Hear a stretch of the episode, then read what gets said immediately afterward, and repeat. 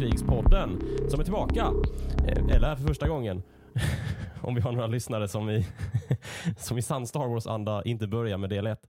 Eh, I det här avsnittet så är tanken att vi ska ägna oss åt eh, bakgrunden, periferin och liksom blicka bortom skärpan på något vis.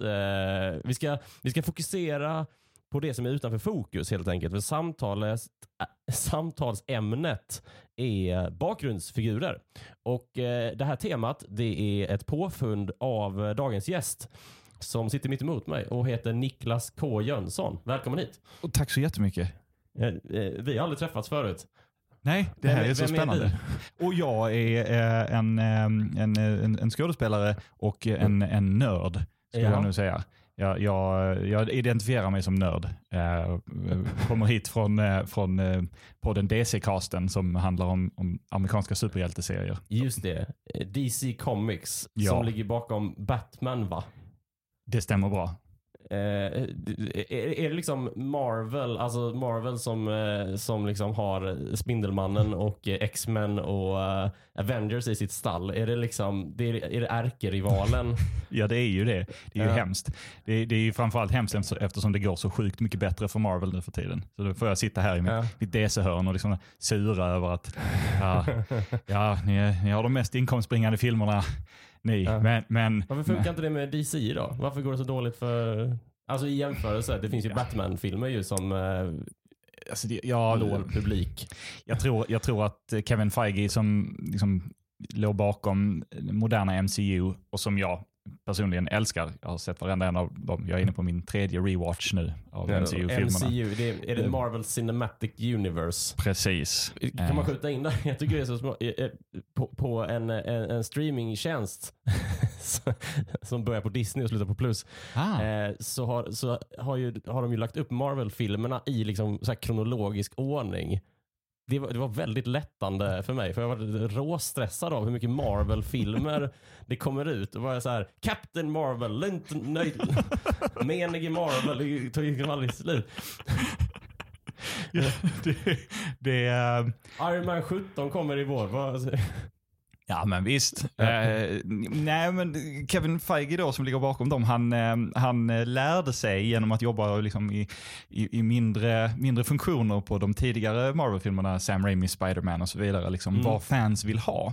Och var väldigt duktig på att, eh, att liksom, ja, men, nej, men om vi ska göra det, då ska vi göra det så här. Och vi ska ha liksom precis rätt nivå av liksom, comics accurate dräkter eller eh, karaktärer eller referenser och så vidare. Liksom. Och han är Mm. väldigt duktig på det. Eh, och det har han eh, intressant nog lärt sig av att vara ett enormt Star Wars-fan i hela sitt liv. Okej. Eh, just att detaljer är viktiga för fans eh, och så. Och DC Ja, då ja, ja. har inte riktigt det i sina filmer. På ett eller annat sätt har de det. det, det oh, vi skulle kunna ha en lång diskussion om det här, men det tror jag vi kanske ska låta bli med. så, så det är det som gör DC lite liksom, i skymundan, att de, de, de, Ja, de men det är- vänder sig inte utåt på samma sätt. Nej, nej. Alltså, det, enkelt uttryckt ja, men det är också liksom att DC eh, har inte liksom, Disney i ryggen och, och ofantligt mycket pengar. Eh, Warner har också ofantligt mycket pengar, men kanske inte fullt lika mycket ofantligt mycket pengar som Disney. Det är lite Ja, det också. Nej, precis. De, de har inte Lejonkungen-pengarna. Nej, och sen så har DC en tendens att luta sig tillbaka och säga, ja, men om vi lägger in Batman i det, då löser det sig. Mm. Vilket eh, absolut kan stämma, men kanske inte alla gånger. Nej, just det. Ehm, då så. Eh, ta- tanken är ju då att vi har gjort varsin lista på några av de många figurer och ibland silhuetter liksom, som bara figurerar i, i bakgrunden i olika Star Wars-titlar. Det, det, jag gissar att vi kommer ta upp från ganska mycket olika håll i eh, produktionen. Det hoppas jag. Eh, så att säga. Ehm, jag kan avslöja att jag lutar nog mest åt eh, filmer och lite äldre filmer utan att säga för mycket. Men du, eh, Niklas, eh, vet du vad Patreon är för någonting? Du får förklara, för jag har ingen aning. Patreon det, det är stället där, där du som lyssnar, eh, eller inte lyssnar för den delen, eh, kan stötta Stjärnkrigspodden. Eh, mer exakt på patreon.com snedstreck charnkrigspodden kan du bli månadsgivare och möjliggörare. Det betyder att du, du möjliggör att jag kan fortsätta göra den här podden Eh, och det gör du genom att helt själv och fritt välja en summa som du tycker att det här projektet är värt. Och eh, då binder upp dig på att eh, avsätta eh, den här summan en gång i månaden. Och är det så att du inte vill signa upp dig för Patreon men ändå vill backa Stjärnkrigspodden lite spontant och lite mer eh, fritt, då kan du swisha. Och det är numret, det är 123 141 51 99. Och eh, eh, numret står i avsnittsbeskrivningen eh, i din poddspelare. Eh, då, då återvänder vi till eh, dagens avsnitt och eh, till, eh, till dig Niklas. Eh, för du är ju gäst för första gången i Stjärnkrigspodden och det betyder att du ska genomgå det här standardformuläret så att lyssnarna får lära känna dig eh, lite bättre. Eh, kan du berätta om ditt första minne av eh, Star Wars? Ja, alltså jag har intalat mig själv att mitt första minne av Star Wars är att eh, eh stanna inne på en varm sommardag när eh, Return of the Jedi spelas på tvn. Eh, jag har väldigt stark minnesbild utav liksom, eh, sl- slaget vid Endor eh, med Ewoks och ATST-gångare. Och, Mm, och, stockar. Ja, precis. Eh, och de stockarna, de stockarna för övrigt är ju Gorax-fällor som Ewokarna har för att skydda sig mot jätten Gorax som vi sen Oh. får se i den första Ewok-filmen Caravan of, Caravan of Courage. Ja just det, de har ju faktiskt fått spin-off-filmer. Jag har faktiskt inte sett dem än. Det måste ju jag göra.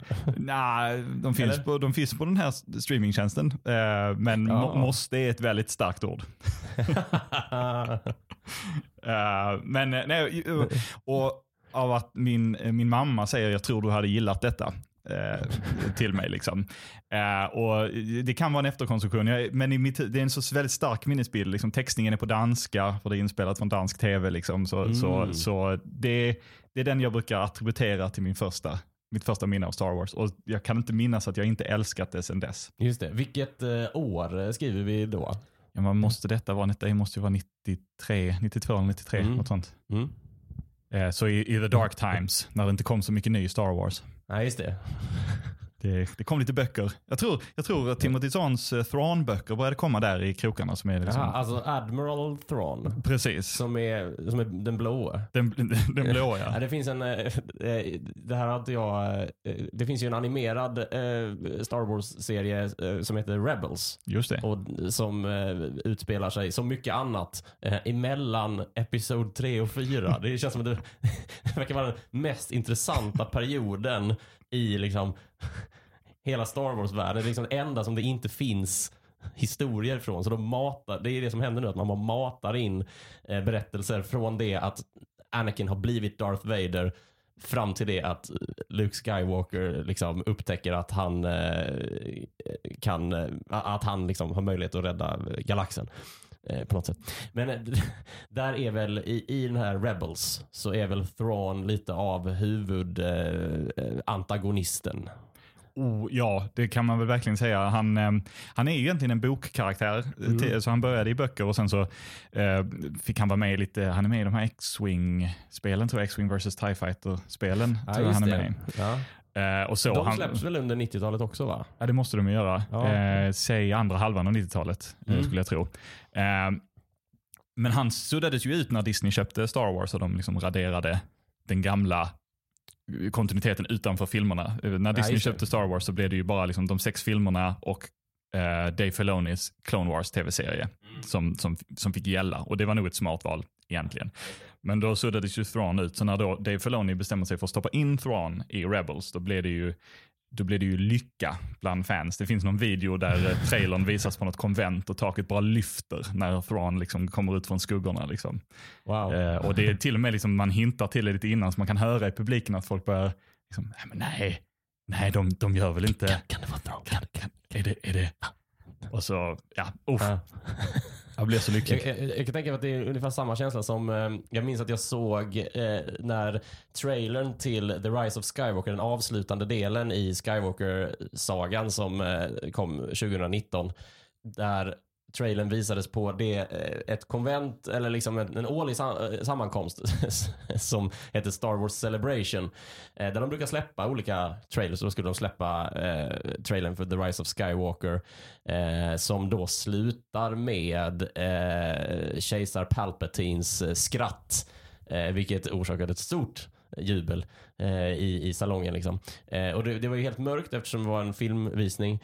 Eh, och när ljuset gick upp på scenen, då, på scenen, då stod ju eh, Ian McDiarmid som, som spelar Palpatine eh, helt själv och till enorma ovationer. Eh, lyfter upp en mikrofon och sen säger “Roll it again”. och det, det fick ju väldigt bra respons från publiken, minst sagt. Eh, och det tänkte jag på då att när man sitter i en väldigt mörk, mörk eh, biosalong, eller ett mörkt rum, till slut så vänjer ju sig ögonen liksom. Så jag tänker att de på de främre raderna måste ju ha sett honom komma in.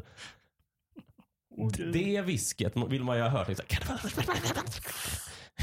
Ja, Ja, ja, ja. Det här är väl inte, så jag, jag, skol, jag skolkade lite från mitt jobb i ungefär tio minuter när eh, The Force Awakens-trailern kom ut. Ja. Jag, jag och några andra nördar uh, jobbar som skådis och vi hade ett, ett, ett koreografi-danspass. Mm. Eh, och så plötsligt så är det någon av oss som liksom noterar, nu, nu, har, den, nu har den droppat. Och så, så smög vi oss ifrån jobbet, satte oss i ett hörn, alla runt en mobiltelefon och tittade på The Force Ja, ja, ja. Awakens-trailern. Eh, Men du, eh, om du var en karaktär i Star Wars då, vem, vem, vilken av dem hade du allra helst velat vara då? C3PO. Du hade velat vara C3PO? Jag, jag är C3PO. Du är C3PO? Det enda sedan jag var sju år gammal har jag velat vara C3PO. Ja. Jag har velat vara många av de andra karaktärerna också, men alltid C3PO. ja. ja, ja. Han får följa med på alla äventyr ja, och han har allt som oftast rätt. ja. Och som liten som, så tyckte jag alltid han var roligast. Liksom. Tyckte du också att det var så himla fett att han aldrig kunde bli träffad av eh, laserskott? Jag tänker ofta på det i, det här är öppningsscenen i eh, A New Hope från 77. Eh, C3PO och R2D2 liksom bara går igenom korselden. Det är liksom en trång korridor med liksom eh, imperiesoldater på ena änden och rebellsoldater på andra änden som liksom matar skott mot varandra. Och, och det är så underbart. De liksom bara går igenom den här korridoren som om att det vore liksom, åh vad jobbigt att de massa skjuter. Ja, det är lite så, Jag tycker ursäkta, det vi är ska. Det är lite som när man är på, när, när man är på eh, det det är man ju kanske inte så ofta just nu, eh, pandemiåret 2020, 2021. Eh, men när man liksom ska tränga sig i, på en bar. Man, ska, man går med liksom tre öl sådär i den här klassiska öl... Det, när man håller tre öl sådär i, i, i små händer och man liksom ska tränga sig igenom. Det är lite den känslan.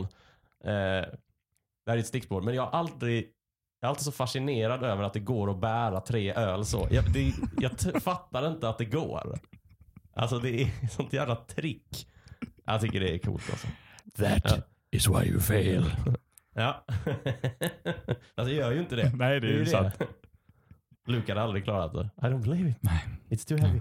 Eh, ja, ja. ehm, ja men, eh, då- vi noterar C3PO. Eh, ska vi notera det som svaret på frågan, vem hade du varit? Alltså om du blev castad till en film. Ja, alla dagar i veckan. Ja. Det, det, det är väl det, eller eh, liksom eh, kejserlig officerare som blir liksom dödsstrypt av Vader. Ja, ja. Det Du, är, du är den som säger, jag, jag kan ta på mig ansvaret för det här och sen så, eh, men- sir, we lost them. Jaha, nej då får jag ta på mig ansvaret och be om ursäkt. Eh, ja, ja, en Captain Nida helt enkelt. Ja, Mm. ja, absolut, det, det, det, det är nog jag. Det, den olycksalige på något vis. Just det. You seem to be made to suffer. Han som bara försökte ta sitt, göra rätt. Så, Ja. det, är det, det är alltid bäst att berätta sanningen. Ja, Liksom. Och det är väl det, men kanske inte för Darth Vader. Det är väl det vi ska lära oss. kanske. Det kanske inte är han som är liksom den. jag tycker det skulle jag vilja liksom sticka in på en kudde eller någonting. Det är alltid bäst att berätta sanningen, men kanske inte för Darth Vader. Ja, just det. Ja, precis. Ett, ett väggcitat Ja, for you. Eh, Jar Jar Binks, för eller emot? för.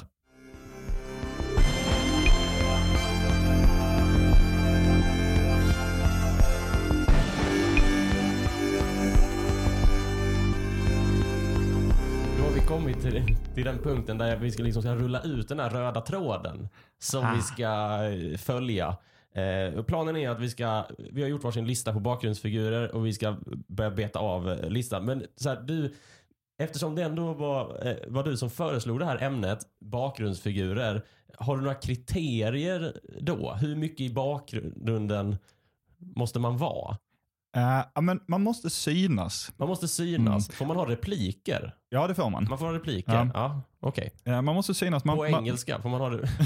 nej, man behöver inte ha dem på, på engelska. Nej, men det är okej att ha folk som har repliker på engelska. Ja, jo men det tycker jag. Så För att att, det inte bara är huttiska och eh, så här liksom. ja, nej, nej, men jag, jag, jag, bakgrundsfigurer är väl egentligen kanske inte helt, ja, små figurer. Ja, liksom. Mm. Eh, för, för jag menar, man, man skulle kunna göra en hel grej av, eh, av liksom figurer som inte är med i filmerna men som ändå är väldigt Star Wars. Som, Mm, mm. Eh, ja men, Asoka Tano exempelvis från Clone Wars. Du får liksom statuera exempel och eh, dra första på din lista. Ja, ja, ja, för mig är, är Star Wars väldigt mycket bakgrundsfigurerna. Jag älskar de, Mm. de små berättelserna som kan finnas där och, och de små, små grejerna. Eh, så jag fick liksom göra ett axplock av lite, av lite olika varianter. Några som lite, är med lite mer, några som är med väldigt lite och så vidare. Just liksom. Ja, eh, i, mm. I mina fem. Eh, så jag börjar med något väldigt litet. Mm. Eh, och det är eh, droiden CZ3. CZ3. Mm. Okej, eh, det här får ju du förklara för det vet inte jag vad det är för någon. Va, har du inte allmän kännedom? Ja, det, Nej men det, det är nog det att jag, jag ser mer saker. Jag noterar inte vilka num, nummer de har. Nej, jag, Nej. Va- Vad, vad dyker CZ3 upp då? I A New Hope, Mm. eh, på gatorna i Mos Eisley, eh, så ser man honom traska i bakgrunden. Han är helvit och har liksom stora, ganska dumma ögon och ett ganska point, white pointy face, kallas han av sin skådespelare. Okej. Ehm, det är, Ja, ja, ja. Jag tror jag vet precis. ja, eh, en liten antenn på huvudet ser lite sorglig ut. Ja, visst ser han. Det, det är ju någon form av ehm, eh, C3PO-liknande droid. Det, det här måste ju vara en, en, en person i en dräkt va? Och det är inte vilken person som helst i dräkten. Det är Anthony Daniels, alltså C3PO i dräkten. Jaha, som gör en cameo i en film där han ändå inte är känd i och för sig. Så att, men, Just det. men eh, jaha, okej. Ja, men om vi ska placera den här figuren lite mer exakt i filmen så är det väl eh, där Luke, Han, eh, Obi-Wan och Chewbacca är väl på väg från kantinen till Docking Bay 94. Där 94. Millennium Falcon står. Ja, precis. Det är, det är ju i svängen där ungefär när, när Mm. Luke säljer sin speeder. Ja, just det. Eh, Ja. mm. han, han är ju en favorit. Eh, det är att, åtminstone för mig, så är det svårt att inte märka honom när man väl märkt honom på något Mm. vis. Eh, och sen då när man får reda på att det är Anthony Daniels som spelar honom Mm. och att Anthony Daniels tyckte så sjukt mycket mer om honom än om C3PO. När, Är de, när de spelar in. Ja, I hans eh, självbiografi så nämner han liksom att eh, C3POs eh, så eh, bröstchassi gick Mm. inte att andas i. Eh, Så han, han fick liksom lära sig själv att andas väldigt, väldigt gen, försiktigt och så för att han kunde, han kunde inte expandera sina lungor tillräckligt mycket för att andas ordentligt i C3POs bröstchassi. Oj, Men- ja. En väldigt krävande inspelning med tanke på att han gjorde det i 40 graders värme i Tunisien. Eh, han fick, eh, jag minns inte om han liksom fick lära sig någon form av meditation för att liksom inte bli tokig av det. Eh, men wa- eh, CZ3 då har ett jättebrett bröstchassi som man kan liksom verkligen fylla sina lungor när man har. Och det tyckte han var så sjukt mycket mer behagligt eh, när han spelade in. Så han, han döpte den till White Pointy Face och fick många år då senare reda på att eh, eh, Star Wars, The Customizable Card Game som var stort på 90-talet, som var ett, ett kortspel i Magic the Gathering-stil, hade då döpt honom till CZ3. Jaha, okej. Så det var inte ens, ehm, det var inte George Lucas som, eh, Nej, många av de här, eh, är mycket är väl Lucas, men många av de här bakgrundsfigurerna har ju fått namn från böcker och från Mm. eh, kortspel och så. Ibland är det Lucas Notes, men ibland är det taget från liksom ingenstans. Eh, kan lägga till att CZ3, hans design är Mm. en refuserad Darth Vader design. Eh, Jaha, åtminstone alltså- på, och jag tror inte ansiktet, men dock på eh, bröstkorgen. Liksom. ja, ja alltså själva, det, det, precis, för det är ju som en liten rustning, eller Mm. liten, men det är någon slags rustning. Det är intressant med den, det, eh, den ser liksom ut att vara gjord av plast. Ja. Vet du om den är liksom det? Precis, Jag- jag tror han är liksom det. metall. Eh, C3PO, dräkten är också plast tror jag. Mm. Eh, må- målad plast. tror Ja. jag. Och det är samma material på, på den och CZ3.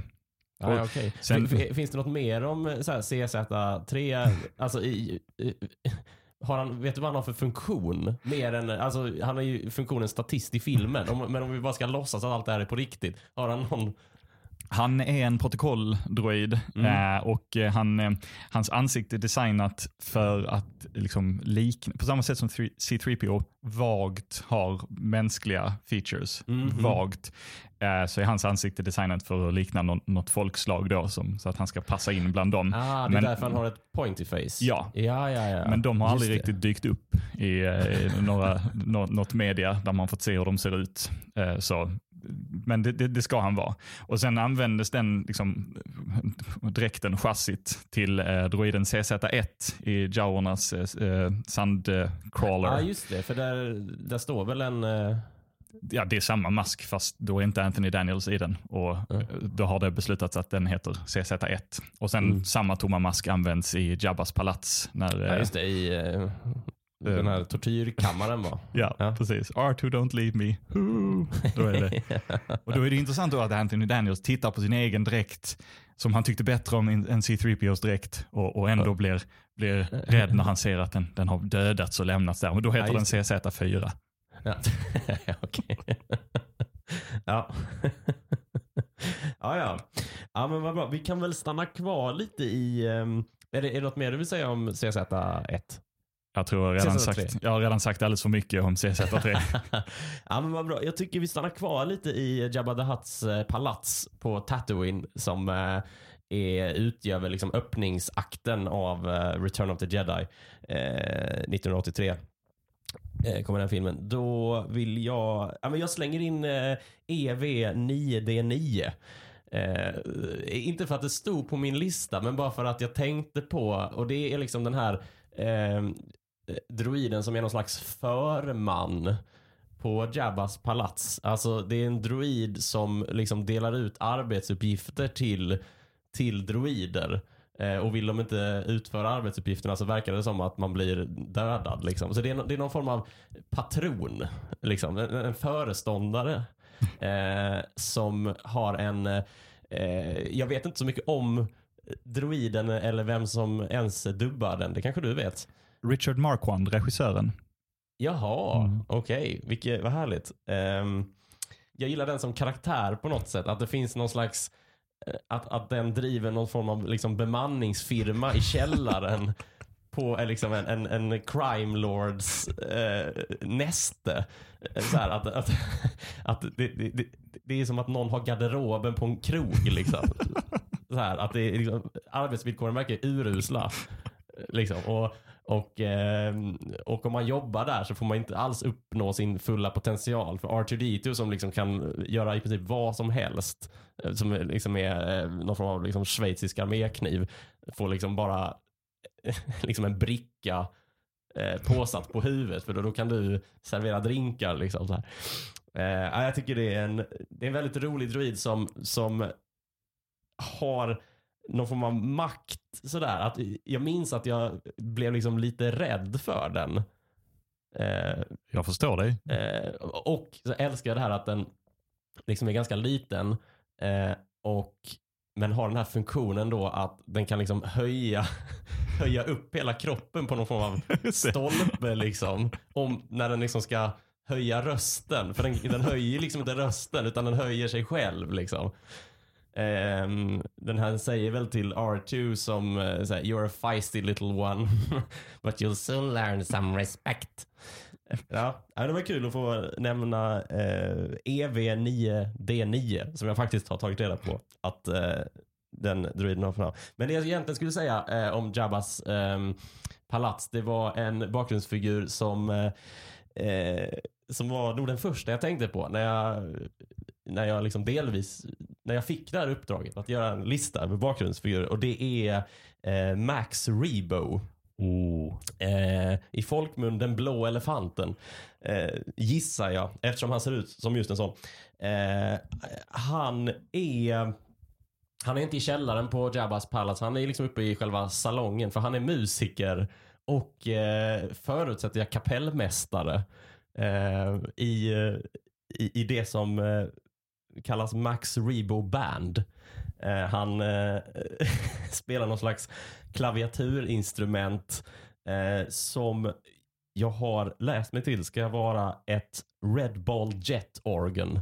Så det, jag vet inte vad Red Ball Jet är, men organ betyder ju orgel i alla fall. Och det ser ju ut som just en orgel, någon form av Hammond eh, eh, ehm, orgel. Eh, eller jag vet ju vad red är. Det är ju, alltså jag vet ju vad orden betyder liksom. Men alltså jag har aldrig sett dem ihop. Red Ball Jet Organ. Det låter verkligen som att, det låter faktiskt som eh, ett av förslagen eh, som kom in när Red Hot Chili Peppers skulle bestämma vad de skulle heta.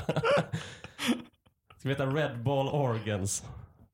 Nej, ta Red Hot, Red Hot Chili Peppers. Ja, men det är en grej i alla fall. Ja. De- Det är liksom Chili Peppers, de är ju röda och heta. Det, det där hör ihop liksom.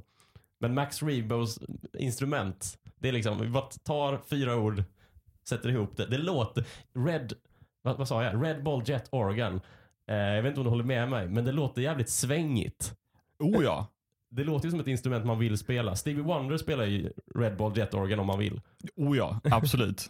och, och det är väl det enda instrumentet som man kan spela då, den Lapped i Neck som den låten heter. På. Ja, just det. Mhm. eh, ja, men bakom eh, bakom eh, tangenterna sitter alltså Max Rebo som eh, eh, är, alltså jag, jag älskar ju att hans snabel pendlar upp och ner när han skrattar. Jag tycker det är en enormt fiffig och kul detalj alltså. Ja, det, ja, jag blir så glad. Har du koll på om det är någon som sitter i? Eh, ja, alltså det, är en, det är en handdocka, eller det, är- eller det är inte en handdocka, det är liksom någons torso befinner sig där i. Mm. Eh, och sen, jag vet inte, har du, har du sett Någons konceptsketchen? torso? Ja, någon står liksom under. casting. Vi söker dig utan huvud och armar.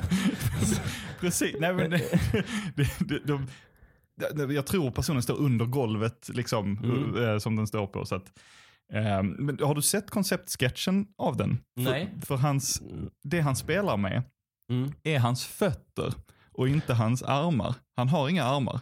Utan han sitter liksom...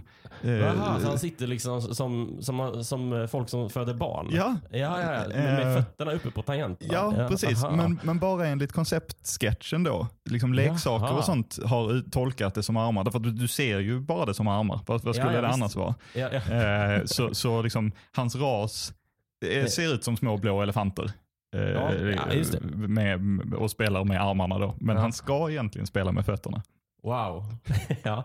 Ja, men, ja, precis. Han har ju ett väldigt... Eh, han har ju det här utseendet att det ser liksom ut som en alien som på, man hittar på först på idéstadiet men slänger en in sist i filmen. För att det, det är så... Liksom att knäcka... Okej, Okej, vi ska göra en film med en massa aliens. Vad va, vad är aliens då? En blå elefant. Så, nej, det är för lätt med en blå elefant. Det fattar du väl? Alla har ju sett den elefant. Liksom. Kom på några andra och så kommer de på liksom, eh, liksom så här, eh, vad heter de? Eh, här, Jabba och Javas och eh, vad heter det? Cantina-bandet. Ja, men de ska se ut sådär liksom. Och sen när det väl kommer till inspelning så är det så här, ska vi inte slänga in den där blå elefanten ändå? Vi liksom, har vi de skiss, hade du de skisserna på den blå elefanten? Funkar ju så jävla bra. Eh, ja. Alltså, Jag har att jag inte tror att du har helt rätt i det. utseendet liksom. Men han, Stewart, han ser ut som han ser faktiskt ut som någonting som någon så här, producents barn har gjort på förskolan i, i så här, trolldeg, heter det det? Ja. Modellera liksom. Ja. Så man kommer hem, kan vi ha den här i julgranen också? Jag tror inte du har fel. nej, men, nej, men jag, jag, det är alltså Max, Max Rebo. Eh, har du något mer att säga om? Ja, man skulle kunna prata i timmar om Max Rebo, men ja, vi kanske ska gå vidare ändå. Ja, okej, då gör vi det. Nu kastar vi oss till prequel-filmerna Mm. Och vi kastar oss till en jedi-mästare som heter Shak Ti. Wow, ja det gör vi absolut. Har du, har du, vet du vem hon är? Ja, eh, det vet jag. Eh, jag eh, eftersom jag sällan minns vad jag säger. Men jag har nog, jag, jo jag har sagt i den här podden tidigare att hon avrättas av General Grievous i en bortklippt scen. Som jag gärna ville ha med i filmen. Men eftersom det inte var jag som bestämde så är den inte med. Har, har du sett scenen? Mm, det har jag. Varför vill du ha med den? Eh, Ja, men som scen är det ju inte bra. Men, men, men eh, eh, det var för att eh, jag, jag... anser att General Grievous inte är en så bra skurk för att han har aldrig skadat någon. Och det gör han i den scenen. Och det är därför jag tycker att den scenen behövs. Kanske inte i det utförandet. Men då, kom, då kommer vi till, för då, det är exakt samma anledning som jag har henne eh, på listan. Mm. Därför att Shakti, eh, hon, hon syns i bakgrunden. Jag tror det är Attack of the Clones och eh, eh, Revenge of the Sith. Mm, Och de mm. spelas av eh, en kvinna som heter Orly Shoshana, tror Mm. jag. Så jag inte säger det fel. Shoshan. Orly Shoshan. Eh, Hon är ju till utseendet besläktad med Ahsoka Tano. Eh, som eh, syns i eh, Clone Wars och Rebels som animerad och eh, i form av eh, Rosaria Dawson heter hon va? Eh, I The Mandalorian. Som ska få en egen serie på, på Disney Plus inom, inom en framtid. Det ska bli gött. Ja, precis. Ja, men det är en slags rött. Togruta heter rasen. Okej. Mm. Mm. Det är sånt som jag memorerar. Ja. Eh, är, Jag försöker bara se framför mig hur du ser en Star Wars-film. Åh, en Togruta! Alltså, jag, jag är rätt trist att se Star Wars-filmer med för att jag, jag gör så. Jag, en av mina pet peeves med, med sequel-filmerna är ju att det inte är några etablerade klassiska aliens i bakgrunden. Att det är bara Mm. nya hela tiden. Och jag sitter ju där så var är alla Rodians? Va? Ja, ja. Var är alla Ithorians? Eller var är alla Shistavanen Wolfmen? Ja. Ja, nu, nu lägger jag massa grejer på dig som jag absolut själv är skyldig till också. ja men det, eh, eh, så här, wear your nerd pride.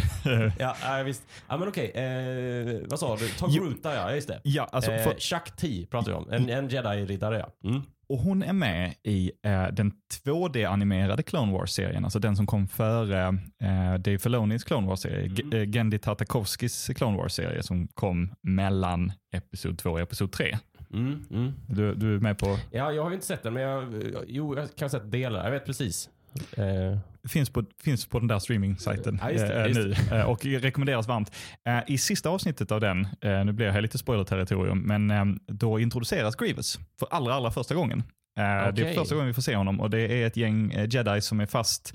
De har fightats mot en massa battle droids och sen är de, eh, har de blivit liksom heter det, pinned down eh, och, och är omringade av olika eh, battle droids. Då. Och, eh, det är Shakti, det är Ayla Secura, det är Ki-Adi-Mundi. eh, ja, just det. Kiadimundi är ju en, eh, är en härlig figur.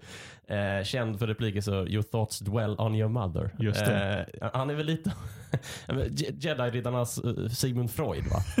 Han, eh, det är en väldigt långhövdad figur som är liksom precis så att han har repliker. Eh, han figurerar i, också i, i eh, föregångarfilmerna Episod 1 till eh, 3. Eh, kul detalj om honom. Eh, I eh, Attack of the Clones eh, mot slutscenen där liksom klonkriget börjar. Det är massa jedi-riddare eh, i en arenastrid mot massa battle droids.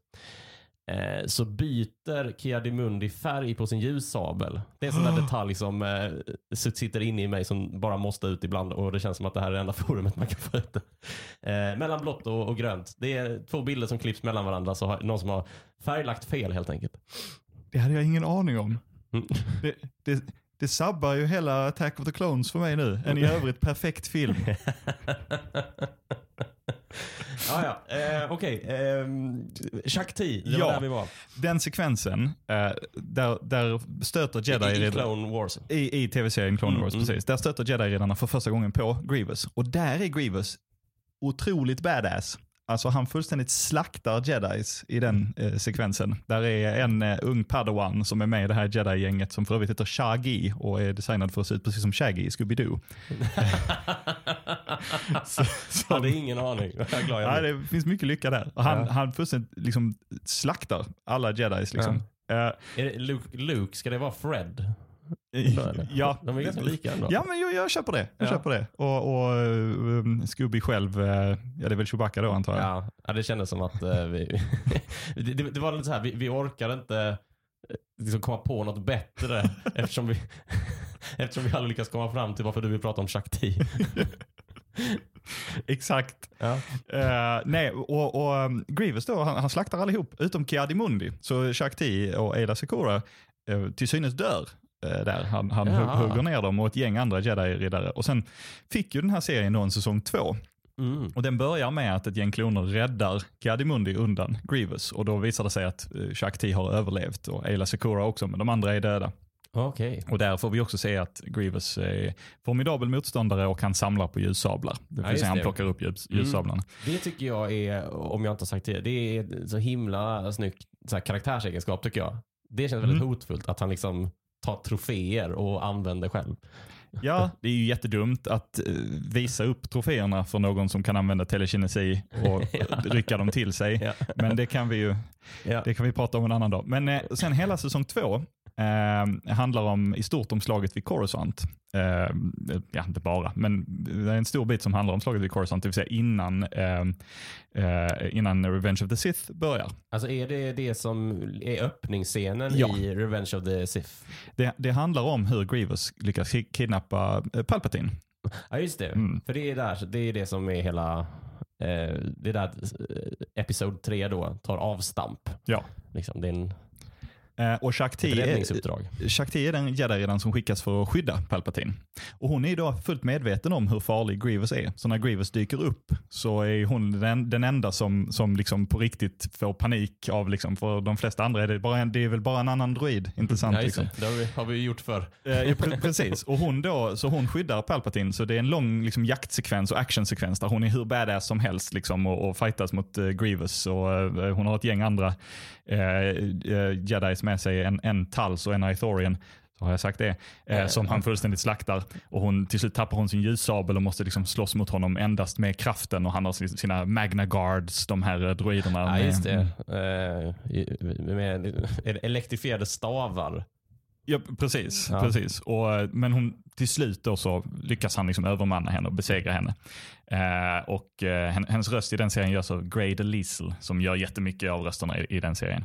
Eh, och eh, Det är anledningen till att hon är på hans skepp i den här bortklippta scenen i, eh, Revenge of the Sith. Ja, för att hon ska då ha blivit liksom kidnappad med med Palpatine. Eh, men sen ändrar de det så att hon inte blir det och så vidare. Liksom. Men där, så, så, det är därför jag tycker så mycket om henne. För att hon är liksom den första som får ordentligt möta Grievous och får visa vilket hot Grievous är Mm. även mot Mm. en jedi-mästare. Mm, Och hon själv är riktigt, riktigt cool i den här tecknade serien för barn. Eh, och, och, ehm, sen har hon då med sig att hon har dött väldigt många gånger. Bara som en så här, för den bortklippta scenen där, Ja, där, där är en bortklippt scen eh, som är nästan likadan, men där är det Anakin som dödar henne eh, under Order 66. Eh, Ja, ja, ja. Alltså i, i, från Revenge of the Sith? Ja. Då. Ja, okej. Ja. Eh, och den sekvensen får man se en, en, liksom, en vision av i något avsnitt av eh, Dave Filonis Clone Wars-serie sen. Eh, och sen har vi då liksom tillfället där hon till synes dog då i slutet på eh, när, när Grievous attackerade i första säsongen av Tartakovskis Clone Wars. Och sen så är hon med i spelet The Force Unleashed där man dödar henne. Så av alla jedi så har hon flest dödstillfällen. Ja, ja, okej. ja, ja, men precis. En, eh, det är alltid välkommet med en rekordinnehavare. ja. Precis. Min, eh, min nästa på listan, det är, eh, jag säger namnet Will Rob Hood. Säger dig någonting? Det finns på min lista också. Wow, ja, men då tar vi den. Eh, det, här är ett namn som jag har eh, liksom googlat mig eh, till eh, idag. För jag kallar den här karaktären och ganska många andra också för glassmaskinmannen. Ja. Eller Ice Cream Guy. Ja. Eh, han spelas av en statist. Han dyker upp i bakgrunden i Rymdimperiet slår tillbaka. Eh, han är en molnstadsbo. Eh, en invånare som eh, evakuerar sitt hem på order av Lando Calrissian. Eh, det är så att Imperiet har tagit kontroll över staden och eh, alla måste ta sina tillhörigheter och, eh, och, och fly. Eh, och bland alla evakuerande månstadsbor så eh, finns det en kille med mustasch, orange overall eh, springandes med sin, det viktigaste han har som är en, en glassmaskin. Eh, en, liksom en, en, vit, en vit vara som ju Alltså, man måste ju faktiskt, det är lite så att man, eh, jag tror att de flesta som eh, liksom pratar om, åh det är glassmaskinskillen, har ju fått det berättat för sig att det där är en glassmaskin. Ja, jag ja. tror verkligen att det var många som såg det eh, från början. Liksom. För det ser verkligen ut som eh, någonting som finns i varje liksom, molnstadsinvånares hem på något sätt. Eh, den här figuren har ju, har ju blivit lite av en, eh, en, en, liksom en eh, hjälte för en del Star Wars-fans. Han har ju bland annat gett upphov till ett årligt återkommande evenemang på eh, redan nämnda eh, eh, Star Wars Celebration. eh, så eh, finns det ett evenemang som heter The Running of the Hoods.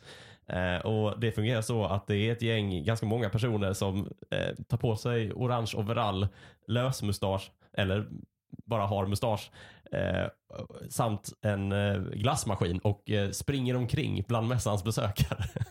Det är, och det är därför man gillar Star Wars ju. Det, det här är så härligt. Ja, äh, verkligen. Det, är- det, får, det får mig lite att tänka, med, tänka på det här eh, eh, på det här Stig Engström-loppet som ganska många initierade efter att eh, polisen hade lagt ner Palmeutredningen och kommit fram till att det är Skandiamannen Stig Engström som Eh, vi tror att det är han men vi kan ju inte bevisa det liksom. Eh, eh jag, jag tror att många vet vilken presskonferens jag syftar på. Nej.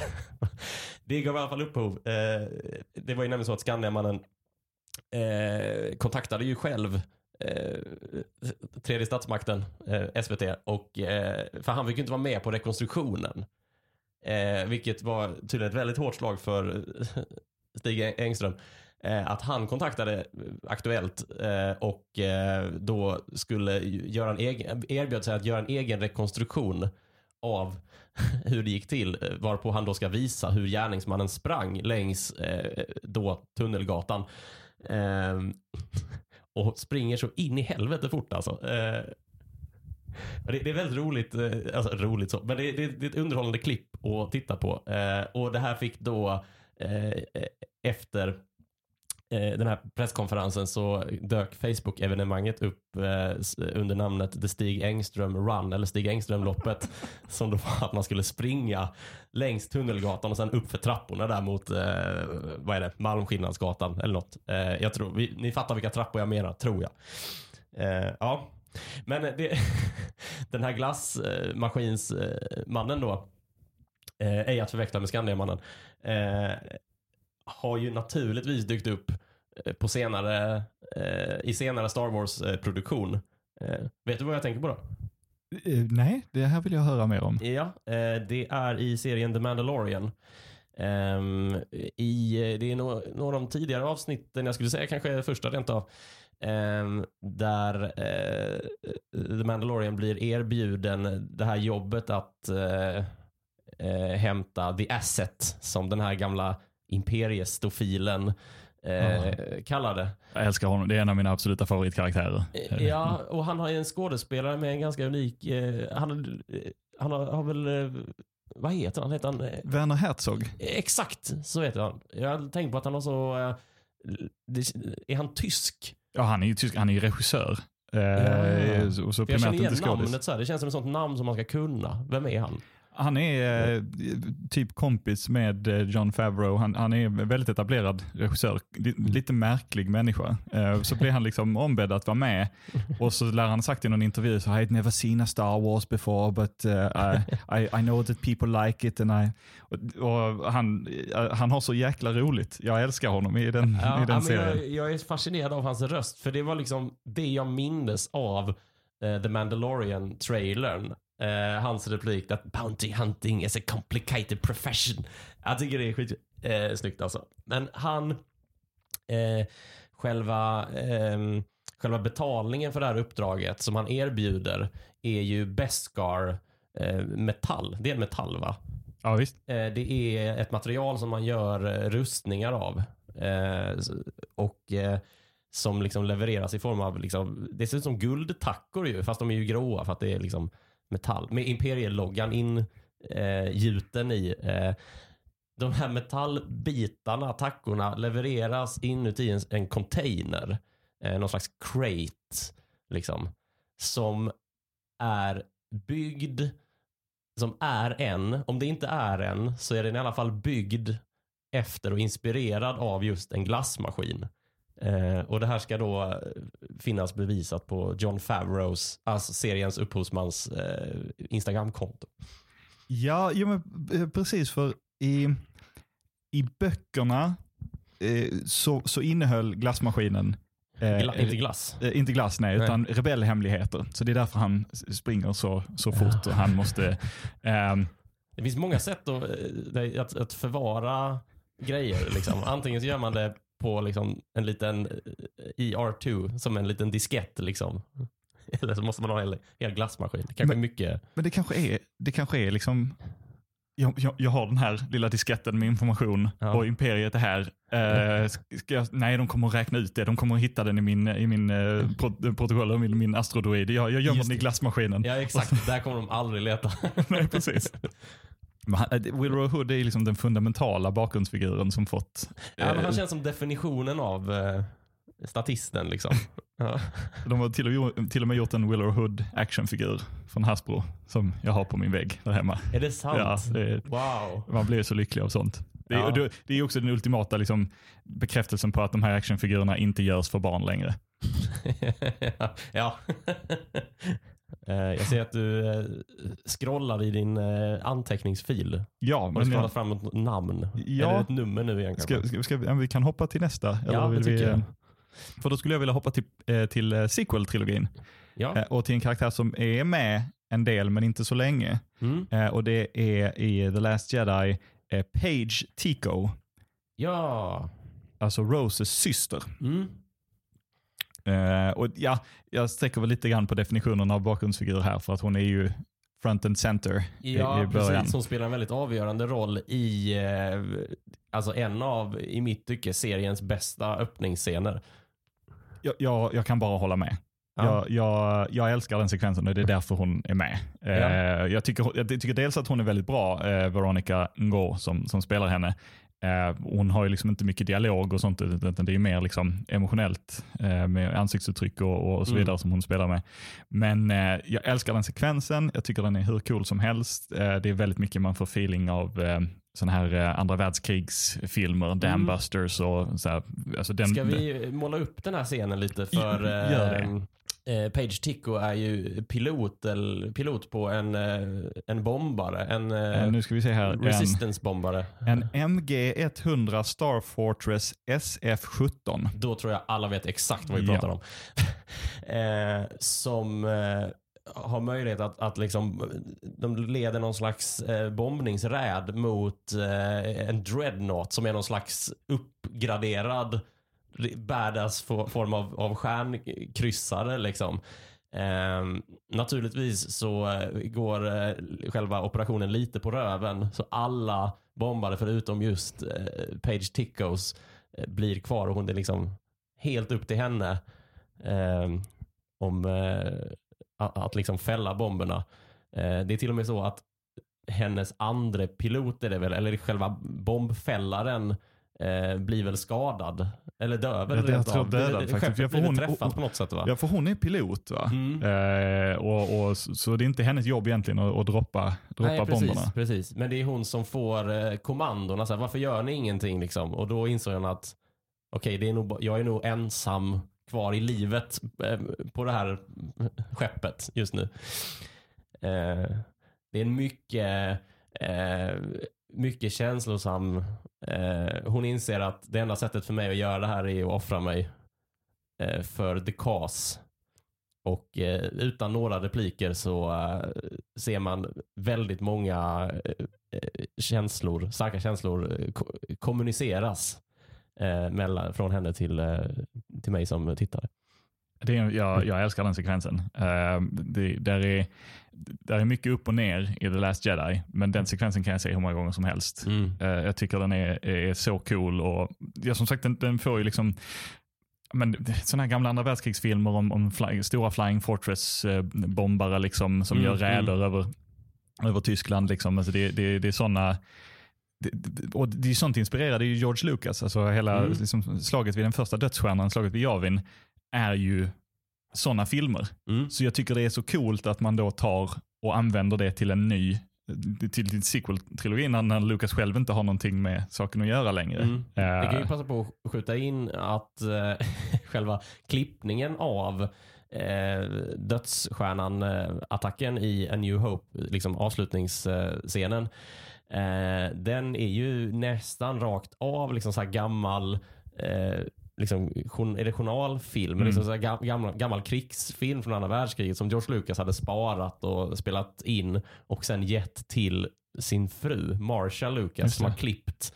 hela den här sekvensen. För från början så var det inte hon eh, som, som skulle klippa eh, Star Wars eh, utan George Lucas blev ju till han fick ju en klippare som som gjorde allt i sin makt för att inte klippa som Lucas ville. Och sen fick han sparken. Det, det sägs ju ofta vara mycket av eh, liksom nyckel, eh, nycklarna till att få ihop den där eh, sista eh, flygattacksscenen eh, på ett realistiskt sätt. Att vi, vi är tvungna att ta det vi har till hands och det var ju jo, men är, andra det, världskriget. är det inte så att liksom, de vis, när de visade filmen första gången för, typ för producenterna Mm. så hade de inte det materialet än. Så han klippte bara in bilder från de här gamla, jag tror det är Dambusters eller något sånt där. Okej. Eh, ja. jag, jag kan ha fel där, men och så försökte han förklara liksom, det här ska det vara, fast med rymdskepp. Ja, ja, ja, eh, just för, för, för producenterna. För att klippa ihop liksom dramaturgin i det i alla Ja, fall. precis. Ja, ja. Eh, det, det kan vara en sån förvanskning av historien som har gått. Liksom. Så Mm. det, det vågar jag inte säga som sanning, men det tycker jag, den, den tycker jag man, man har hört. Eh, ja, nej, men det är egentligen bara det. Jag älskar den sekvensen och jag tycker Paige Ja. Tico är riktigt cool. Och jag benämner henne som bakgrundsfigur för att hon, ja, hon har inga repliker. Liksom. Nej, precis. Och eh, hon eh, får ju en kort introduktion och ett ganska snabbt avslut. Eh, hon spelar en väldigt viktig roll under en väldigt liten eh, tid. Ja. Eh, och eh, ja, jag tycker det är en eh, väldigt bra skönt. väldigt bra bakgrundsfigur. Eh, det, är så, det är så sjukt cool scen alltså. Ja, ja. Den är verkligen riktigt jävla bra. Eh, vad ska jag ta då? Ja, men då kan vi väl stanna kvar i eh, uppföljartrilogin. Fast eh, vi går till The Force Awakens. Så finns det en eh, bakgrundsfigur som vi ofta ser som bakgrundsfigur. Det, det är en stormtrooper. Eh, en First Order stormtrooper.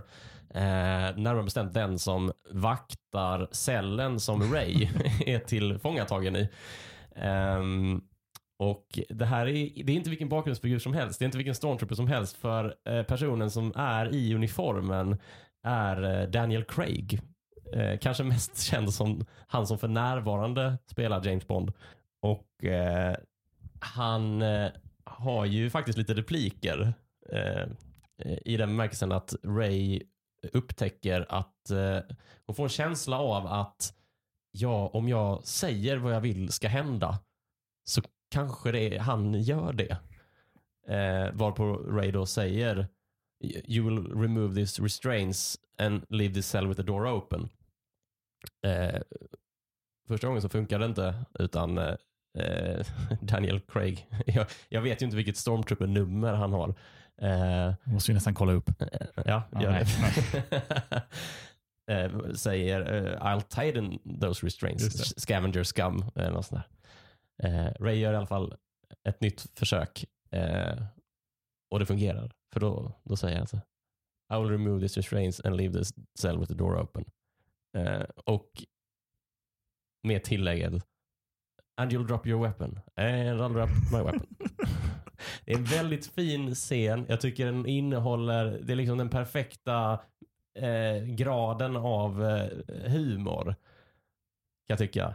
Eh, alla som någonsin dissat JJ Abrams eh, Mm. eh, och, och, har, har fel. För den scenen är perfekt. Den, Ja, jag tycker den är väldigt bra alltså. Och i den bemärkelsen att man vet att det är Daniel Craig där så blir det faktiskt väldigt roligt tycker jag. Ja, vad är det? Han, han var i en studio bredvid eller något sånt där och Det tittade är in. Och absolut så, inte omöjligt. Är inte de kompisar bara då? Det känns ju som JJ Abrams är ju lite så. Jo, men Eh, ja, det, det, det, det är de ju säkert. Mm. Men jag bara tänker, han spelade ju in Bond samtidigt och, och The Force Awakens spelades in i, i samma studioområde liksom, Ja, ja. eh, i, i, eh, i, utanför London. Så Är det Pinewood vi pratar om? jag gissar det. Det, Ja. det. det vågar jag inte säga säkert, men det tror jag. Men, och så legenden är att han, att han tittade in och sa, Mm. eh, hej, hej får jag vara med i Star Wars? Ja. ja, det är absolut inte omöjligt. Jag tror nog att det är ganska många eh, liksom, som eh, nog vill det. Alltså, eh, även om man inte blir liksom, eh, skulle vara aktuell för någon av huvudrollerna så är ju Star Wars just, eh, om vi pratar överlag om begreppet bakgrundsfigurer, så rikt Mm. på sådana att det finns ganska mycket roliga ehm, eh, grejer, att, eller roliga sammanhang man kan vara med i Star Wars utan att liksom riktigt vara med i Star Wars. Och det är bara roligare för fansen eftersom det är någonting som vi gillar så är det ju att bara veta om grejer Ja, som finns i precis. bakgrunden. Som till exempel att Daniel Craig då spelar en stormtrooper. Jag inbillar mig att jag hör att det är Daniel Craig när han pratar. Ja, ja Men- absolut. Rakt av. Men jag, jag, jag är lite rädd för att jag bara så här, att jag tycker att jag gör det för att jag vet det. Så Mm. att det, jag inte egentligen hör det utan att jag bara väldigt självsäkert säger, jo det är klart, det är, hur kan man inte höra att det är Daniel Craig? Ja, ja precis. Jag Det- tycker det är liksom det är den perfe perfekta eh, graden av propaganda. Liksom. För jag vet ju inte om det är Daniel Craig. Nej. Jag är bara enormt säker.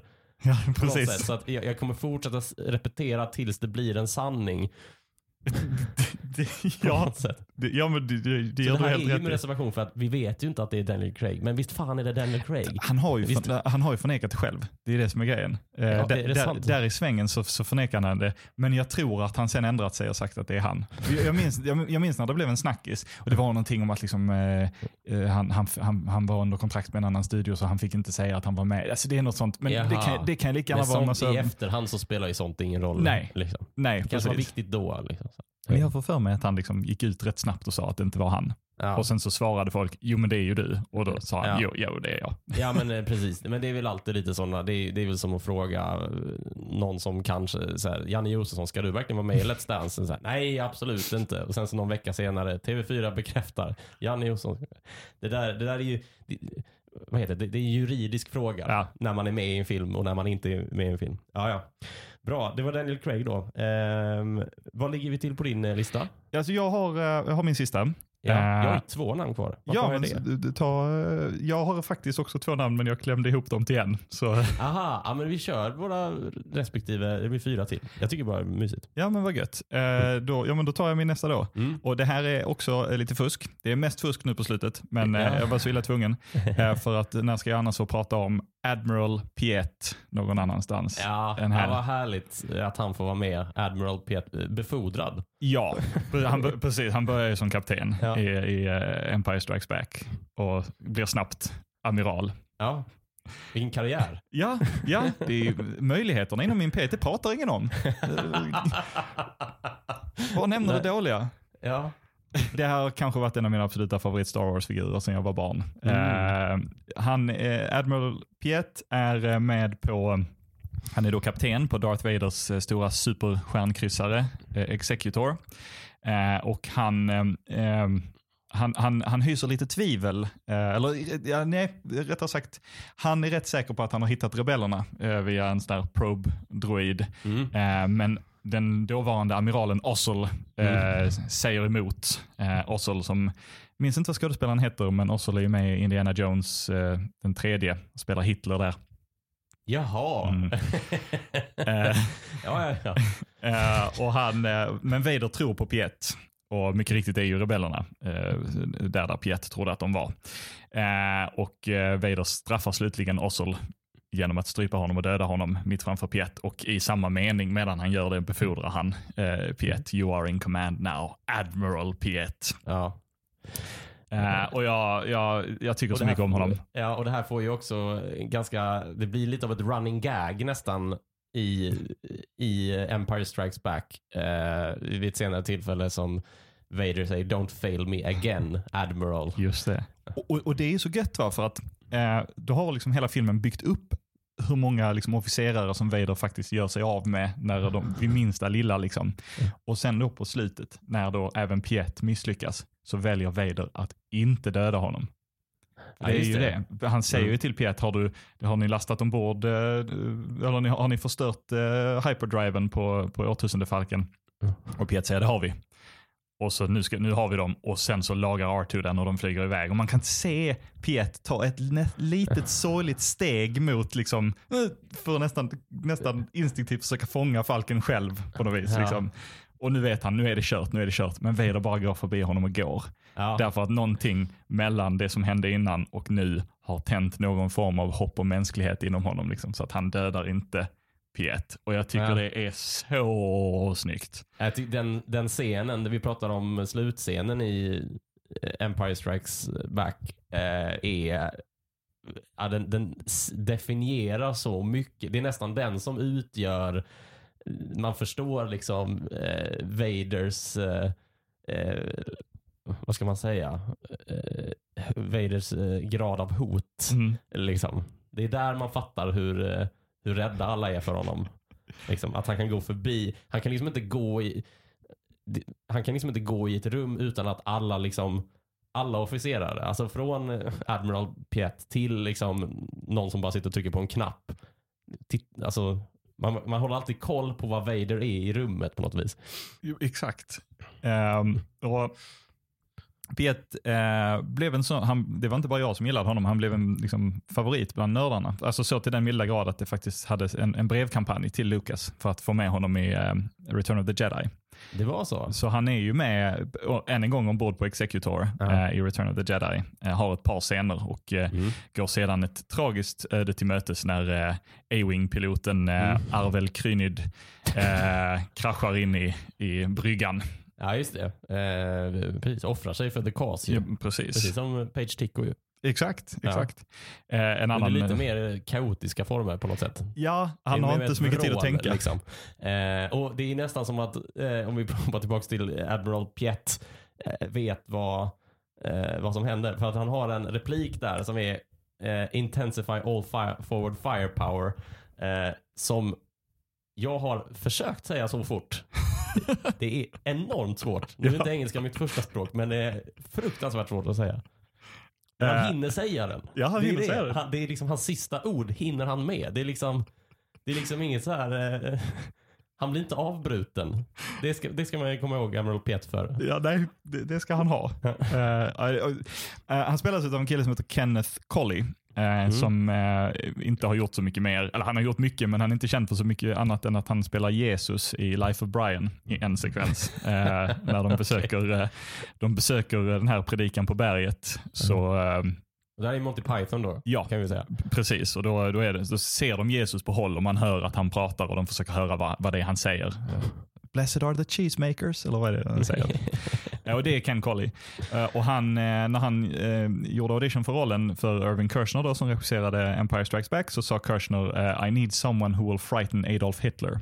Vilket är lustigt då med tanke på Ja. att Ossel senare skulle spela Hitler. Ja, Ehm, och eh, tydligen så då passade Ken Colley väldigt bra in på det. Jag köper inte riktigt det, för det tycker jag inte han gör. Men Colley har då sagt att han, när de väl började göra filmen så tänkte han att Nej, men jag ska nog faktiskt inte spela den här liksom genomonde officeraren. Jag ska nog försöka spela honom lite mänsklig. Försöka se, mm. se hur någon faktiskt hade på riktigt reagerat i de här scenerna och kanske inte Alltså det, är så lätt, det är så lätt att gå Ossel-hållet och vara liksom genom ond, eller Mm. Hux då i sequel-trilogin. Mm, Eh, mm. Men det finns något härligt med de som försöker spela det lite mer mänskligt. Captain Kennedy, som Page Tico har ihjäl i eh, The Last Jedi, som är kaptenen på den här stora eh, dreadnoughten. Ja, han, han, han försöker också vara lite mer mänsklig i det Ja. hela. Liksom. Ja, men jag, han har också en ganska rolig eh, replik, eh, om jag minns den helt rätt, är ju han får någon, eh, han får någon rapport från någon, så liksom, eh, enemy bombers incoming eller något sånt där. Och då säger han of course they Ja, are. just det. Eh, vilket är ganska roligt. Ja. Men det är som att han har sett massa Star Wars-filmer förut och, liksom, och, och framförallt varit med i ganska många slag. Ja, Och att liksom, det som brukar hända nu det är att liksom, fienden skickar bombare. ja. Och att han ändå inte har förutsett det på något sätt. Och att han liksom bara, "Ah, Jo men han har, ju, han, han har ju förutsett det, men Hux har inte förutsett det. Och Nej, han exakt. hatar att han måste liksom eh, svara inför Hux. Precis, precis. Eh, han, sk- eh, Kennedy eh, sidospår, men han ska ju vara en gammal kejserlig officerare som liksom sen gått över i First Order. Så att, Mm. precis som du säger ska han ha all den här erfarenheten. Liksom, och, Ja. och så jag älskar, jag älskar hans, när han, när, precis, om man skillnad mot P1, som, de dör ju på ett liknande sätt, men Kennedy hinner ju liksom sucka och skaka på huvudet. Ja, I, princip säga, ja, ja, Ja. det är inte så mycket resistance fel som det är min chefs fel. Ja, ja, ja. Wow. Ja, men då tar jag en annan eh, person i, i liknande uniform. Eh, men nu är det från en spin-off-film eh, från Rogue One. Wasp, Waspar, säger det namnet dig någonting? Ja, det gör det. Det är helt otroligt att du vet vem det är. Jag kan berätta för, för, för er som till äventyrs att inte vet vem det här är. Eh, det visste inte jag heller. Eh, men det är en karaktär som jag lade märke till och jag tror som många har lagt märke till i eh, eh, Rogue One. Framförallt de som har sett filmen Jalla Jalla. Mm. För den här figuren spelas nämligen av Fares Fares. Eh, Wasp Waspar, han är en politiker. Eh, han är senator. Eh, men som har eh, anslutit sig till eh, rebellerna. Liksom. han har faktiskt en replik. Det är att han uttrycker sin tro på, rebellernas chanser att Mm. lyckas förinta dödsstjärnan. Han säger “We joined an alliance, not a suicide pact”. Så han är, han är lite skeptiker sådär. Man får känslan av att han är lite av en sån besviken kund. Liksom, att han är den som kräver pengarna tillbaka. Eh, ja, men, eh, kul info om Wasp Waspar. Namnet Wasp Waspar. eh, det hittades på eh, som en blinkning till eh, skådespelaren som spelar honom. För att Ah. Fares Fares har ett förnamn och ett efternamn som är exakt likadant. Men Wasp fick i alla fall heta Wasp Waspar. Uh, Ja. jag, blir så, jag blir så lycklig av sånt här. Ja, ja. Eh, Men Ja. han, han, han har inte så mycket, de, det har inte skrivit så fruktansvärt mycket backstory på, på, på honom va? Eh, han är väl namngiven i någon sån här eh, visual dictionary guide. Eh, Ja, det är han säkert. Eh, jag vill minnas att jag har läst på om det är Wikipedia. Mm. Eh, det finns ju ett sånt. Såklart. Att han representerar Taldo System eller något sånt där. Ja, det är väldigt... Ja, nej, det, är inte den, eh, det är inte den karaktären som man har liksom djupdykt i. Eh, jag tror nog vi har nog vi har liksom nog nått botten. Ja. Man. För, Nej, det ska man aldrig, för- säga, det ska för man aldrig säga i den här podden i och för sig. Eh, Ni Nej. behöver inte mejla. Och för nu, det kan alltid komma en rad böcker som, som berättar mer om, om, eh, om, eh, om honom. ja, ja, visst. Uh, Okej, Ja, Eh, men då tar jag min sista då. Anledningen till att Mm. jag hade klämt ihop de två, eh, mina två sista, det är för att det är den andra befälhavaren i slaget vid Endor, nämligen amiral Akbar. ja vad kul. Jag visste inte, räknas han som bakgrundsfigur? Jag är glad Nej. att han gör det. Alltså så här, Ja. egentligen inte numera. Men du får tänka tillbaka till 1983. Då tror jag inte eh, så många tänkte på när de gick ut från Return of the Jedi. Och tänkte på liksom, ja men vilka häftiga sekvenser med Luke. Ja, och han fisken som ledde eh, Ja. rebellflottan. Alltså kommer inte folk ihåg It's a trap då? Jo, det gjorde de ju och det är ju lite därför jag har valt honom också. för att han, liksom, jag, jag är mycket glad över det här valet. han hade liksom sån enorm nörd-cred. Eh, och, och det har han ju, det är ju underbart. Mm. Eh, Admiral Akbar är ju liksom befälhavaren för eh, rebellflottan i slaget vid, vid Endor och eh, ser ut som en fisk eller en bläckfisk eller någonting Ja. i den stilen. Eh, Någonting under vatten i alla fall. Man får Precis. känslan av att han inte är i sitt rätta element. Fast ändå. Alltså i, Ja. i, i, eh, som befälhavare ja, men Ja. i luft tänkte jag. Utmärkt uttryckt skulle jag säga. Får man skjuta in en rolig detalj här? Det finns Ja. ju eh, en YouTube-kanal som, eh, jag tror, om jag minns rätt heter den Bad Lip Reading. Som Ja. gör så här roliga dubbningar av eh, Star Wars. Eh, liksom. Här kan vi också skjuta in en bakgrundsfigur, eh, Nien Nub. Ja, Som är eh, co-pilot i samma film, vid samma eh, sekvens. Ja. Flyger Millennium Falcon med Lando Calrissian och eh, eh, har repliker som eh, Asiena Muliara Muliara Mukilaha. Eh, det är nog det bästa jag kan. Eh, jag ber om ursäkt. Reservation för uttal. Eh, han har blivit dubbad bara så här. Wow, wow, wow. Ungefär exakt samma som han har ja. i filmen. Hur som helst. Den här YouTube-kanalen har ju eh, dubbat eh, Akbar också. Eh, och bara gett honom det här ljudet, blubb, blubb, blubb, blubb, blubb vilket är väldigt roligt. Att det är bara liksom, som man tänker sig att en fisk. Och jag tänker på den här Plötsligt i Vinslöv, den här dokumentären där eh, Ja. Holger, Holger, eh, en av hans många minnesbara repliker är ju “Säger de blubb blubb?” Det hade jag på en t-shirt. Är det så? Ja. Är det han som, som, som, jag tror hans första replik i Plötsligt Vinslöv är så här, det här är en fjällripa. Han som har fåglar va? Eh, nej, nej, nej. den här ganska stora killen Nej, som jag, har... jag, jag fattade vem du menar, jag sa bara fel eh, människa. ja, Han ligger ofta på soffan. ja. Mm. Och, och eh, de, pratar om, de pratar om att ha akvariefisk eller någonting i den stilen. Ja. Och så har han ju en egen papegoja som pratar och då understryker han att akvariefisk pratar inte, de säger blubb blubb. Just det. Det var ett sidospår, Jag var, jag var rätt på att det var en fågel i alla fall inblandad. Ja. Ja, okej. En krajöku, som man säger. Jöku. Ja. Bra film. Ja. Kan man lämna, starta en podd någon? Vinslövs ja. ja. Plötsligt Ja. podden. Ja, ja. Eh, eh, var var vi någonstans? Vi var på Akbar. Akbar. Ja, just det. Eh, och det, det som är så härligt med Akbar, det, bl- bland annat är liksom att han är, han är namngiven i manus och så vidare, men regissören Richard Marquand, eh, George Lucas sa så här, "Eh, här har, här har du 50 konceptsketcher. Välj vem som är Admiral Akbar. Eh, och då, då pekade Richard Marquand på en som hette Calamari Man, Ja, eh, för att han ser ut som en bläckfisk. Ja, så att ja. det är Admiral Akbar. ja just det. Eh, och så gjorde de den masken och det var ju Phil Tippett och lite Mupparna-folk och i slutändan Mm. är det Tim Rose som har den på sig. Jag tror det är Tim Rose som har den på sig i alla fall. Och en radiopratare, dubbare som heter Eric Bowersfield som gör rösten. Wow. Som alltså har sagt it's a trap Ja, eh, in i evigheten på något vis. han, eh, Bowersfield sa i någon intervju, han är saligt bortgången nu, han hann göra The Force Awakens. Men Ja, dog, just det. Dog Akbar är väl, nej men det är väl Akbars son? Ja, I The Rise of Skywalker är det Akbars son, Aftab Akbar. Men i The Force Awakens eh, så är det eh, Akbar själv, Mm. eh, som inte har åldrats överhuvudtaget, men börjat, börjat bära beigea kläder istället för vita. Eller så här, earth tones. Ja. Eh, och sen så coolar han ju då vippen i, i, när eh, bryggan på eh, skeppet The Raddus sprängs i luften eh, i början av The Last Jedi. ja, just det. Mm. Så är det ja. ja. Eh, men han, eh, man, man hade lite dubier om huruvida den här liksom masken skulle fungera. Man, man visste att liksom modellen och dockan fungerade så att säga, men man var orolig för huruvida liksom folk skulle kunna connecta med, med en fiskmupp eh, som, Ja, som, som befälhavare ombord på Home Det är One. man sällan säker på. Dem. Eh, så man, eh, man spelade in eh, liknande sekvenser med eh, General Maydeen, som är den här skäggiga imperieofficeraren som ja, ja, förklarar... ja, som eh, har en otrolig frisyr. ja, och Eh, ett lösskägg.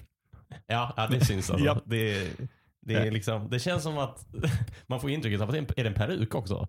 Det, det, alltså, grejen är lite så här, att när, när, han, när den killen, vars namn jag inte minns nu, eh, gjorde Mm. audition, så hade han skägg och den frisyren typ. Eh, och sen så eh, fick han rollen och då skickade de direkt hans bild till Kenner som gjorde leksaken. Och sen dök han upp på inspelning och tänkte jag ska ju vara en militärofficerare. Jag har eh, klippt mig, rakat mig för att se proper ut och så sa de, vad gör du?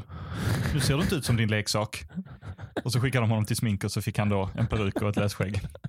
Det är tis Ja. true. Uh, nej, Verkligen. men, så man Ja. spelade in liksom liknande sekvenser med honom som befälhavare istället. Men Mm. man, man tyckte liksom att masken fungerade så pass väl och det Mm. tycker jag också. En av anledningarna till att jag älskar Akbar är inte It's a Trap, utan det är precis efter att Piet har, har dött eh, av att eh, eh, The Executor har, har, har sprängts och den har liksom faller in i dödsstjärnan och Ja, den stora explosionen. Då klipper det till hur massa människor, liksom, rebeller firar och Ja, hurra, ja, ja. Men Akbar han bara lutar sig tillbaka i sin stol och andas ut. Och, och det, denna här fiskmuppen, denna liksom knappt rörliga mask, för mig var det ändå liksom, jag tror på att det här är en väldigt gammal officerare som liksom äntligen, det höll på att Wow. gå helt åt fanders. Nu kan han andas ut. Nu Wow. vänder det. Och jag kan berätta att vi har, ju, vi har eh, tolkat den här scenen helt olika. Okej. Eh, jag har tolkat scener fel förr, eller fel, men alltså på Fel. andra sätt. Eh, men jag, jag drar absolut att han slappnar av. Men eh, jag tolkade scenen som här att de firar i bakgrunden. Men han som är liksom den här, ja, men, eh, den här veteranen, han inser att en kamrat har, Ah. har, har fattats oss nu. Ja, men det är ju också en Men helt nog rimligt. samma, Ja, jag, jag kan tänka mig att det är samma liksom det är mycket känslor. Ja, precis. Men det är, det är väl ytterligare ett bevis på att den här masken fungerar. Ja, precis. Och därför är det väldigt synd. Nu blev det inte så. Men Lukas själv tyckte inte den fungerade, sägs det. Nej. så när, precis, det, ja, Lukas tyckte något, okej. Eh, så när i episod 3 eh, så hade de lite fler sådana Mon Calamari, som rasen heter, Mm. självklart. Eh, de, eh, de hade bland annat senatorn Mina Teals som de gjorde en extremt avancerad mask till som kunde röra sig jättemycket och var väldigt liksom påkostad till massor av scener som klipptes bort. Så den, det, det Ja, finns ja. ing- inget filmat material eh, tror Skulle det jag. vara som någon slags eh, representant för någon, eh, något, någon planet? Då Ja, i, för planeten Mon politisk- Calamari. En delegat, Ja. ett gäng delegater liksom. Precis. Eh, eh, Mina Teals ska vara med i, i scener med Padme där liksom, eh, grunderna av rebellalliansen formas. Ja, Eh, just det. Jag tror att de där scenerna, jag tror jag har sett någon av dem, om de, Mm. eh, där figurerar väl även en ung Mon Monthma Ja. som, man, som är den som pratar först. ja, Det är, precis. det är roligt, vi har ju nämnt tre personer nu som pratar i en ordning Ja. i Return of the Jedi. Det är, först är det Mon Monthma som är någon slags, lite, lite Mona Sahlin till utseendet så här. Ja, Eh, väldigt bra sen är liknelse. det Akbar och sen är det Nadine då. Ja. Eh, och Mon Mothma är ju eh, ledaren för alliansen och uh, Mm. Medin och Akbar är befälhavare. Eh, Mm. Men ehm, eh, och, Mon Mothma spelas i, i, i de bortklippta scenerna av Genevieve O'Reilly som de sen plockade tillbaka till Rogue One till att spela Mon Mothma Mm. igen. Eh, men ehm, Lucas sägs ha velat klippa om bitar i Return of the Jedi Mm. och, och ta bort Akbar och spela in nya sekvenser med den här mer avancerade Akbar-masken Mm. och, och, och stoppa in i liksom, hans special edition nummer 57 eller vad det nu är han kom upp till. Liksom. Eh, men det hanns aldrig göras. Och, och för min del är jag glad. För jag menar, ja. jag älskar den sekvensen. Peta inte i den nu. Liksom.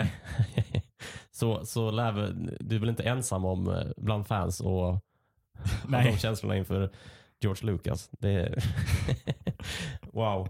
Ja, men vad kul att äh, Admiral Akbar fick eh, vara med. Jag har varit lite snävare i mitt urval. Ja. Eh, Jag fuskade en del. Jag, jag vill ju imponera på dig. Liksom. Nu kommer någon som driver liksom en serietidningspodcast om Marvel då? Nej, om, om, den, om liksom den, lilla, den lite mindre spelaren.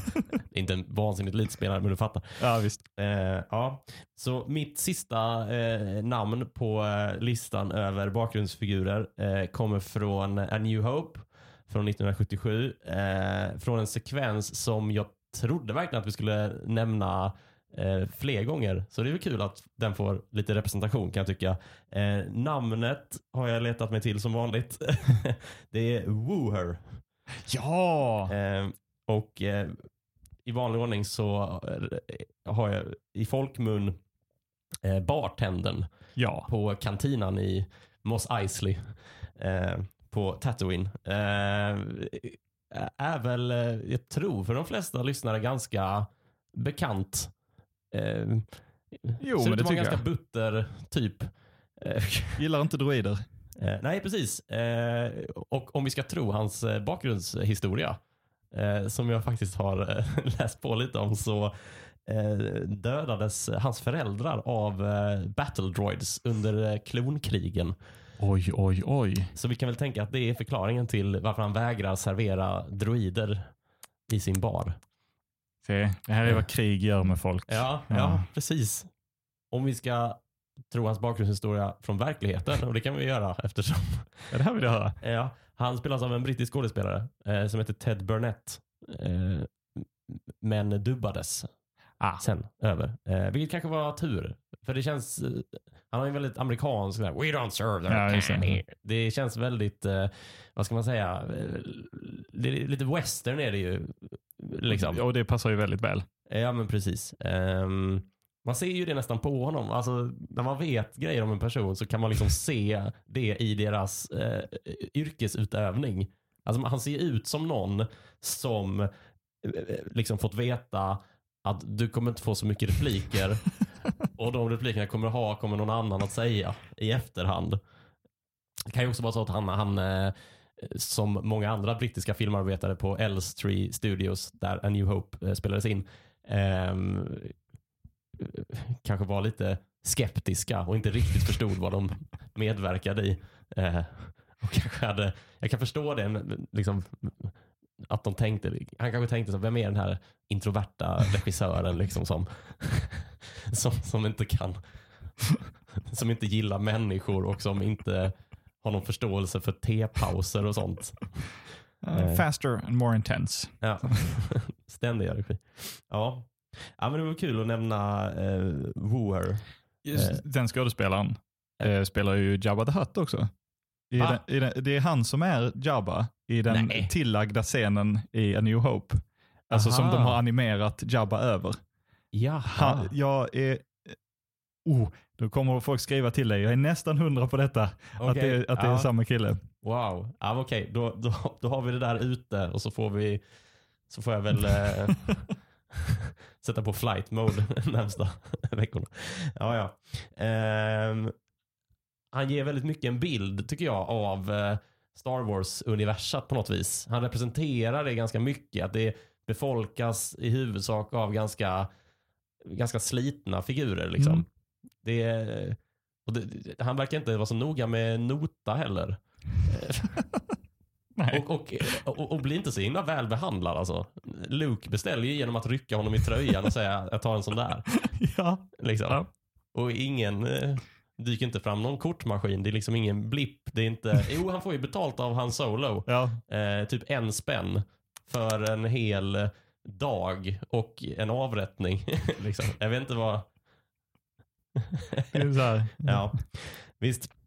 Men på tal om bartender så vill jag väl avslutningsvis eh, nämna eh, John Williams. Ja. Eh, och det har jag nämnt tidigare i den här podden, men jag, jag har det gjort för att det är ändå samma tema. Han har spelat bartender på Kijimi.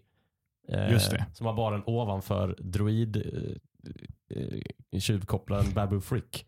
Ehm, eh, och hans bar är liksom det står ju massa diverse rymdrekvisita. Glassmaskin vet jag inte. Eh, men den här rekvisitan är i alla fall eh, gjord av eh, gammal rekvisita från filmer som John Williams har tonsatt. Ah. Där står bland annat något strykjärn som eh, tjuvarna får i huvudet i ensam hemma.